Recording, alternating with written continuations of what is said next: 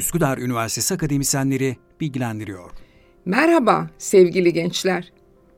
Yaşadığımız bu zorlu günlere rağmen üniversite adayları olarak her biriniz yoğun bir çalışma döneminden geçtiniz. Bunu yakinen de gözlemliyoruz. Şimdi vakit sınava odaklanma vakti. YKS sırasında yapamadığınız sorular üzerinde fazla durmayın. Onlarla inatlaşmayın. Zaman kalırsa yeniden dönün. Kaydırmamak için sorunun cevabını önce soru kitapçığına hemen ardından cevap kağıdına işaretleyin.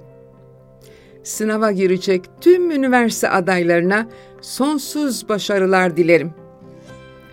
Unutmayın, kusursuz sınav yoktur.